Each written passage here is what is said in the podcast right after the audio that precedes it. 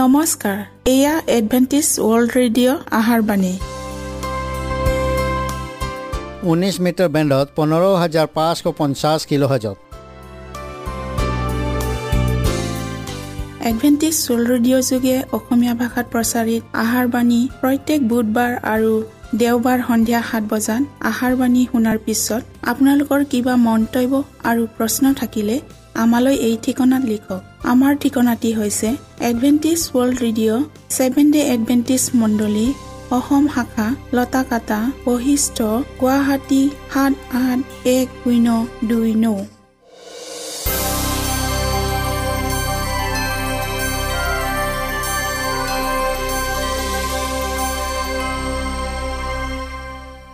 প্ৰিয় শ্ৰোতা বন্ধুসকল এতিয়া শুনো আহক এটি খ্ৰীষ্টীয় ধৰ্মীয় গীত।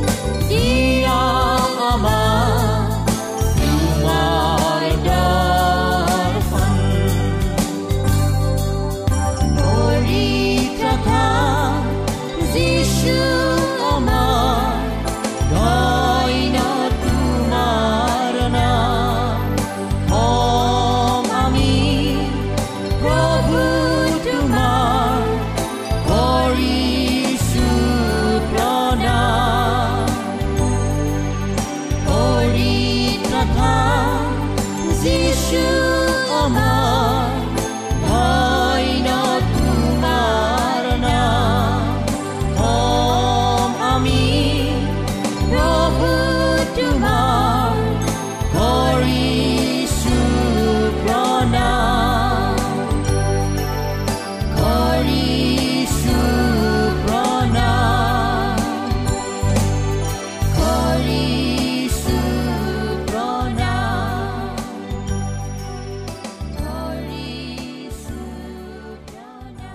প্ৰিয় শ্ৰোতা বন্ধুসকল আহক আমি খন্তেক সময় বাইবেল অধ্যয়ন কৰোঁ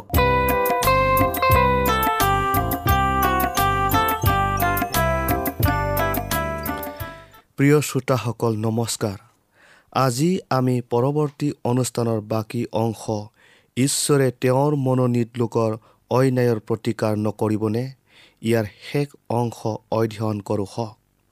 শাস্ত্ৰপথ আপোনালোকে পঢ়ক লোক ওঠৰ অধ্যায়ৰ এগৰ পৰা আঠ পদলৈকে। আমি বিষয়টি আগবঢ়াৰ আগতে প্ৰাৰ্থনা কৰোঁ হওক। সেই স্বৰ্গত থকা পবিত্ৰ জীৱনময় গৰাকী তোমাক ধন্যবাদ দিছোঁ প্ৰভু। কিয়নো তুমি আমাৰ লগত সংগে সংগে থাকি আশীৰ্বাদ দান কৰিলা আৰু এই সুন্দৰ সময় আমাক আকৌ দিলা। প্ৰভু আমি আজি যি বিষয়টিলৈ অধ্যয়ন কৰিবলৈ আগবঢ়াইছোঁ সেই বিষয়টিলৈ তুমি আমাক জানিবলৈ জ্ঞান আৰু বুদ্ধি দান কৰা। পবিত্ৰ আত্মাৰ যোগেদি প্ৰত্যেক শ্ৰোতাৰ হৃদয় তুমি স্পৰ্শ কৰি দিয়া। যীশুৰ নামত খুজিলোঁ আমেন। ছয়তানৰ কবলৰ পৰা তেওঁৰ নিজ লোকবিলাকক উদ্ধাৰ কৰাটোৱে কৃষ্টৰ একমাত্ৰ ইচ্ছা।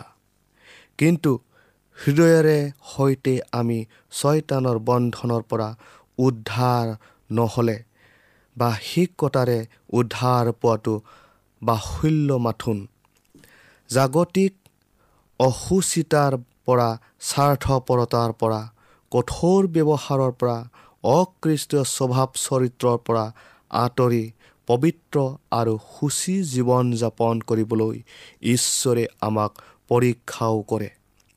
ঈশ্বৰ গভীৰ যন্ত্ৰণাৰ দুখ ভোগ কৰিলে যাতে আমি তেওঁক আৰু তেওঁৰ প্ৰেৰিত যীশুখ্ৰীষ্টক জানো যিহঁতে আমি আমাৰ গভীৰ অপবিত্ৰতা আৰু অসুচিতাৰ পৰা আঁতৰি পবিত্ৰতা আৰু সুচিতালৈ প্ৰবল স্পৃহা জাগে আৰু যাতে এক সুস্থ আত্মিক পৰিৱেশত জীৱন অতিবাহিত কৰিব পাৰোঁ। আমি প্ৰায়ে হতাশ নিৰাশত ভুগি অগ্নিকুণ্ডৰ পৰীক্ষাত পৰোঁ। কিন্তু যদিহে এই চূড়ান্ত পৰীক্ষাৰ পৰা মন অনুতপ্ত হয় তেতিয়া ঐশ্বৰিক গুণ প্ৰতিফলিত কৰি ওলাও আহিম। যেতিয়া এই যন্ত্ৰণাৰ যোগেদি তেওঁৰ ইচ্ছা পূৰ হ'ল তেতিয়াই তেওঁ তোমাৰ ধাৰ্মিকতা দীপ্তৰ দৰে প্ৰকাশ কৰিব আৰু দুপৰীয়াৰ নিচিনাকৈ তোমাৰ ন্যায় বিচাৰ প্ৰকাশ কৰিব। গীতমালা সাতত্ৰিছ অধ্যায়ৰ ছয় পথ ঈশ্বৰে তেওঁৰ লোকবিলাকৰ প্ৰাৰ্থনালৈ আওকাণ কৰিব। ইয়াত সন্দেহৰ অৱকাশ নাই। আশংকা এইখিনিতে যদি সিয়াত প্ৰলোভন আৰু পৰীক্ষাত পৰি নিৰুৎসাহিত হৈ প্ৰাৰ্থনাত ৰত নহৈ অকৃতকাৰ্য হয়। ত্ৰাণকৰ্তাজনাই চোৰপৈনিকীয়া তিৰোতাজনীক স্বৰ্গীয় দয়াৰ বিষয়ে প্ৰকাশ্যভাৱে কৈছিল। তাইৰ শোকে তেওঁৰ অন্তৰ স্পৰ্শতাৰ কৰি তুলিলে। তেওঁ তাইৰ কাটৰোক্তি শুনি তেতিখনে প্ৰতিকাৰ কৰিব খুজিছিল যদিও তেওঁ তেওঁৰ শিষ্যবিলাকত এটা শিক্ষা দিবৰ নিমিত্তে তেওঁ তাইৰ দুখ বেজাৰ জ্বৰ জৰিত ক্ৰদনৰ শুনাত পলম কৰিলে। যেতিয়া তাইৰ বিশ্বাসৰ দৃঢ়তা প্ৰকাশ পালে তেতিয়া তাই যি বিষয়ে আবেদন কৰিছিল সেয়া অমূল্য আশ্বাবাণীৰে সৈতে বিদায় দিছিল। শিষ্যবিলাকে এই শিক্ষা কেতিয়াও পাহৰা নাছিল। নিৰন্তৰে কৰা প্ৰাৰ্থনাৰ ফল কি হ'ব? প্ৰিয় শ্ৰোতাসকল মাতৃগৰাকীক হৃদয়ত কৃষ্টই সেই সান্তনা বাণী আঁতৰ কৰিব নোৱাৰাকৈ প্ৰদান কৰিলে। বিচাৰকৰ আগত। আবেদনকাৰী বিধুৱাজনীক কৃষ্টইহে সাহসী আৰু দৃঢ়মনা হ'বলৈ শক্তি প্ৰদান কৰিছিল। কেইবা শতাব্দীৰ পূৰ্বে যুৱক জুৰিৰৰ পাৰত এই একেজনা কৃষ্টই ৰহস্যময় সংঘৰ্ষত জাকবৰ দৃঢ় বিশ্বাসক অনুপ্ৰাণিত কৰিছিল আৰু যি বিশ্বাস তেওঁ স্বয়ং ৰোপণ কৰিলে ইয়াৰ পুৰস্কাৰ প্ৰদানত তেওঁ অক্ষম নহয়। স্বৰ্গীয় ধৰ্মধামত বাস কৰা জনাই ধাৰ্মিকতাৰে বিচাৰ কৰিব। অধৰ্মৰে পৰিপূৰ্ণ জগতত পাপৰ বিৰুদ্ধে মহা সংঘৰ্ষ কৰা তেওঁৰ লোকবিলাকক স্বৰ্গত তেওঁৰ সিংহাসনৰ চাৰিওফালে আগুৰি থকা স্বৰ্গদূতবিলাকতকৈও অধিক প্ৰেম কৰে। এই কলংকিত জগতখনৰ কাৰণে সমগ্ৰ স্বৰ্গবাসীয়ে এক মহান উমৈহতীয়া বিশেষ মতত উপনীত হয় যে কৃষ্টই মৰ্তবাসী লোকৰ কাৰণে অমূল্য বেচ দিলে। প্ৰভুৰ উদ্ধাৰ পোৱা লোক এই জগতত থকাৰ কাৰণে জগতৰ উদ্ধাৰকৰ্তা জনাই ইয়াক স্বৰ্গৰ সৈতে জ্ঞানৰ দোলেৰে বান্ধিলে। আব্ৰাহাম আৰু মচিৰ সৈতে চলাচল কৰা আৰু কথা বতৰা হোৱা স্বৰ্গীয় ব্যক্তিসকল এতিয়াও পৃথিৱী পৰিভ্ৰমণ কৰে। আমাৰ মহানগৰবোৰত কৰ্মময় ব্যস্ততা জনসাধাৰণে ৰাজপথবোৰৰ দোকান পোহাৰবোৰত পুৱাৰ পৰা সন্ধিয়ালৈ বেপাৰ বাণিজ্যত খেলা ধূলাত আমোদ প্ৰমোদত জীৱন নিৰ্বাহ কৰিলেও অতি কম সংখ্যক লোকেহে অদৃশ্য বাস্তৱতাৰ বিষয়ে চিন্তা কৰে। স্বৰ্গবাসীয়ে এই আটাইবোৰলৈ আৰু পবিত্ৰজনলৈ এতিয়াও লক্ষ্য কৰে। অদৃশ্য কৰ্তৃত্বশীলসকলে মানৱ জাতিৰ প্ৰত্যেকটো কথা আৰু কৰ্মৰ কটীয়ান ৰাখে। ব্যৱসায় বাণিজ্য বা আমোদ প্ৰমোদত সেৱা উপাসনাৰ জনসমাগমত প্ৰাকৃতিক দৃষ্টিৰে অসংখ্য লোক সমবেত হোৱা দেখা যায়। কেতিয়াবা স্বৰ্গীয় কৰ্তৃত্বশীলসকলেও অদৃশ্য জগতখনৰ আৰ কাপোৰখন এফলীয়া কৰি আমাৰ কৰটকীয়া আৰু বিশৃংখল জীৱনৰ চিন্তাধাৰাৰ প্ৰত্যেকটো কোৱা কথা আৰু কৰ্ম অদৃশ্য সাক্ষীয়ে দৃষ্টি কৰি আছে। ইয়াকে জানি উক্ত বিষয়ৰ প্ৰতি গুৰুত্ব প্ৰদান কৰোঁ হওক। প্ৰিয় শ্ৰোতাসকল আমাৰ সকলো কৰ্মতেই যেন স্বৰ্গীয় শক্তিৰ সহায় সহযোগত একত্ৰিত হৈ কৰিব পাৰোঁ তালৈ গুৰুত্ব দিওঁ হওক। যিসকল নম্ৰ আৰু সৰল চিতীয়া লোকে বিশ্বাসেৰে ঈশ্বৰৰ প্ৰতিজ্ঞাত নিৰ্ভৰ কৰে। অদৃশ্য স্বৰ্গীয় সৈন্য দলৰ কিৰণ আৰু শক্তিয়ে তেওঁলোকক প্ৰভাৱান্বিত কৰিব আৰু দূতবিলাক যিবিলাকৰ অসীম শক্তি এনে অযুত অযুত অগণন দূতবিলাক তেওঁৰ সোঁফালে থিয় দি আছিল। সেয়ে সকলো দূত পৰিত্ৰাণৰ অধিকাৰী হ'বলৈ উদ্যত হোৱাবিলাকৰ পৰিচৰ্যাৰ অৰ্থে পঠোৱা সেৱা শুশ্ৰূষাকাৰী আত্ম নহয় জানো? ইব্ৰী এক অধ্যায়ৰ চৈধ্য পদত এই বাৰ্তাবাসক দূতবিলাকৰ দ্বাৰাই মানুহৰ সন্তানবিলাকৰ কথা আৰু কামৰ সবিশেষ বিৱৰণ লিপিবদ্ধ কৰি ৰখা হয়। ঈশ্বৰৰ লোকবিলাকৰ বিৰুদ্ধে কৰা প্ৰত্যেকটো নিৰ্মম কৰ্ম আৰু অন্যায় অবিচাৰৰ কৰ্মৰে দুষ্ট লোকৰ উচতনিত যন্ত্ৰণা ভোগা ঘটনাবোৰ স্বৰ্গত তালিকাভুক্ত হৈ আছে। তেন্তে ঈশ্বৰলৈ দিনে ৰাতিয়ে কাকুতি কৰা তেওঁৰ যি মনোনীত লোকৰ ভালৰ অৰ্থে তেওঁ শত্ৰুক শাস্তি দিবলৈ পলম কৰে। তেওঁ অন্যায়ৰ প্ৰতিকাৰ কৰি সেই লোকক উদ্ধাৰ নকৰিবনে? মই তোমালোকক কওঁ তেওঁ বেগেদে অন্যায়ৰ প্ৰতিকাৰ কৰি তেওঁলোকক উদ্ধাৰ কৰিব। এতেকে মহাপুৰুষাৰ যুক্ত তোমালোকৰ যি হা তাক ত্যাগ নকৰিবা। কিয়নো তোমালোকে ঈশ্বৰৰ ইচ্ছা পালন কৰি প্ৰতিজ্ঞাৰ ফল যেন পোৱা। এই নিমিত্তে ধৈৰ্যৰ তোমালোকৰ প্ৰয়োজন আছে। কিয়নো অলপতে আহিব লগাজনা আহিব পলম নকৰিব।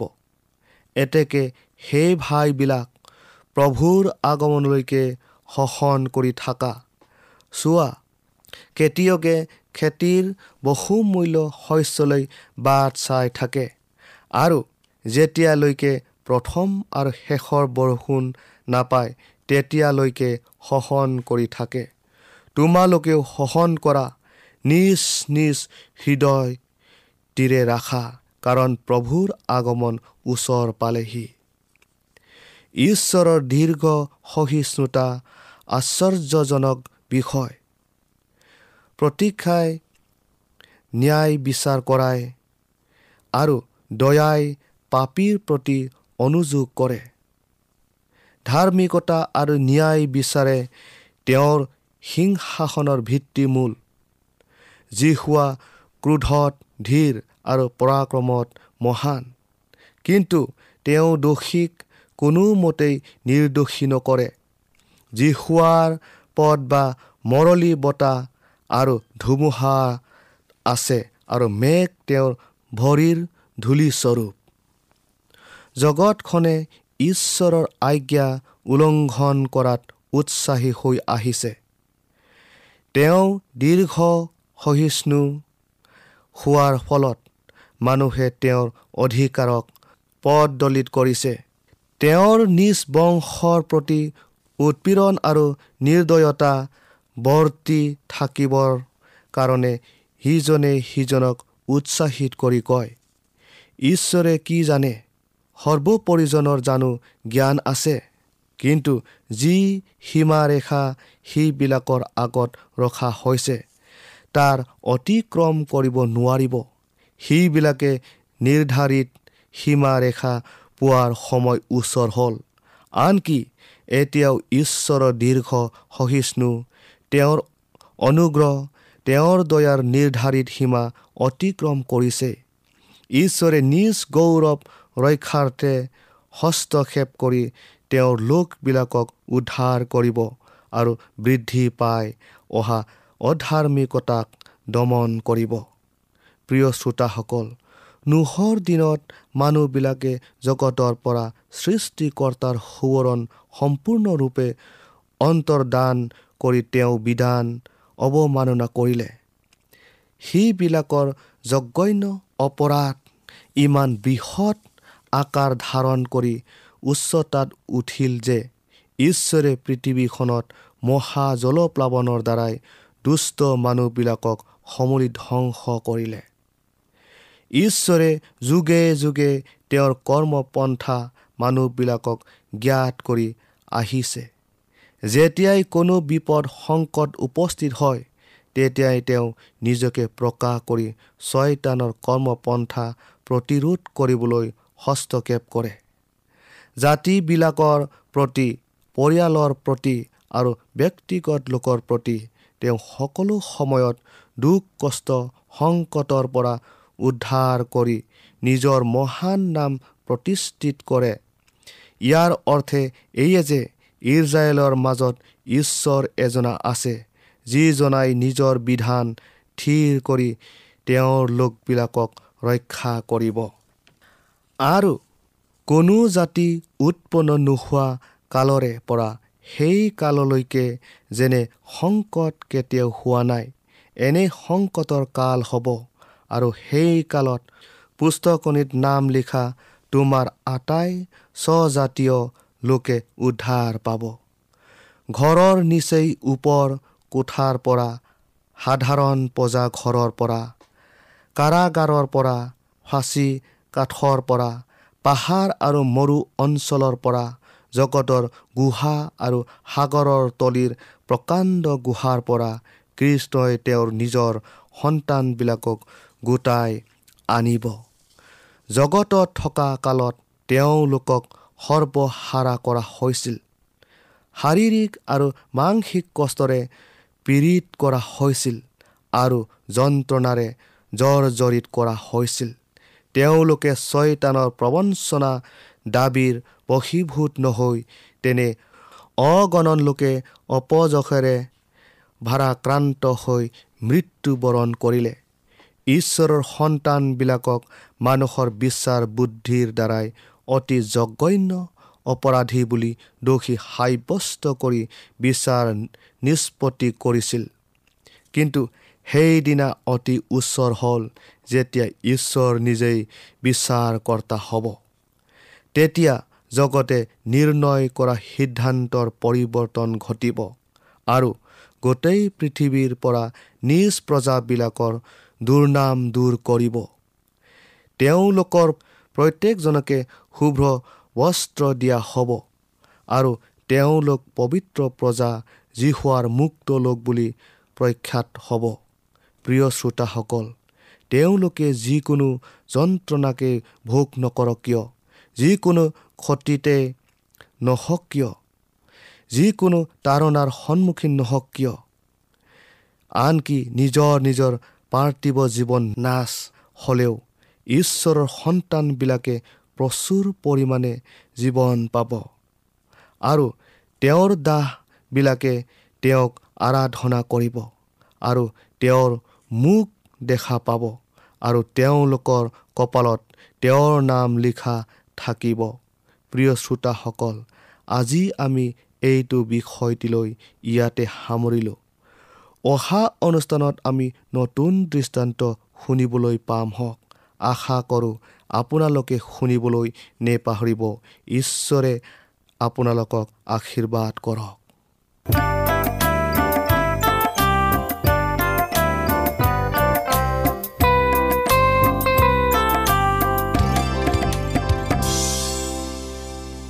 ইমানপৰে আমি বাইবেল অধ্যয়ন কৰিলোঁ। এতিয়া আকৌ শুনো আহক এটি খ্ৰীষ্টীয় ধৰ্মীয় গীত।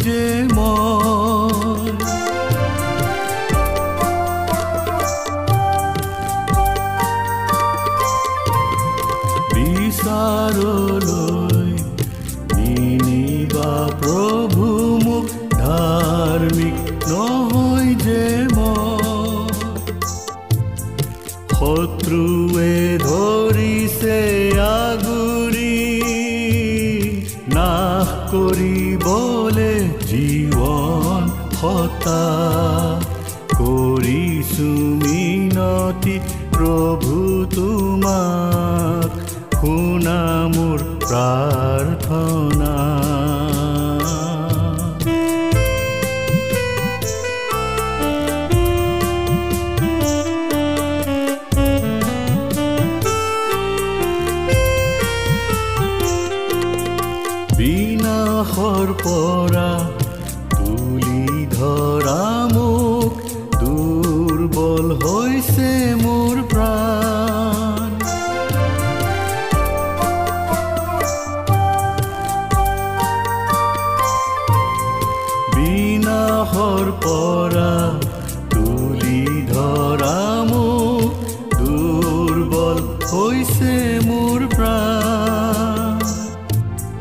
স্বৰ্গৰ পথত মোক লৈ যোৱা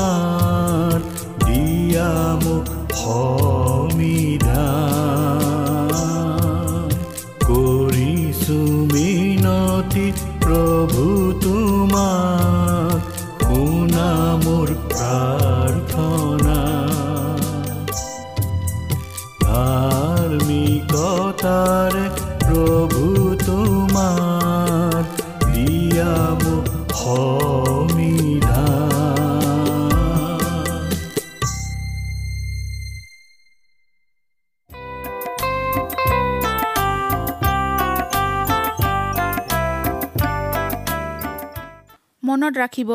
আমাৰ ঠিকনাটি পুনৰ কৈ দিছোঁ। Adventist world radio' Assam region of seven day Adventist voice of hope Lotakata Basistha Guwahati seven eight one zero' two nine প্ৰিয় শ্ৰোতা বন্ধুসকল এডভেণ্টিজ ৱৰ্ল্ড ৰেডিঅ' যোগে আহাৰবাণী প্ৰচাৰত আপোনালোকক পুনৰ লগ পোৱাৰ আহাৰে আজিলৈ সামৰিলোঁ। ধন্যবাদ।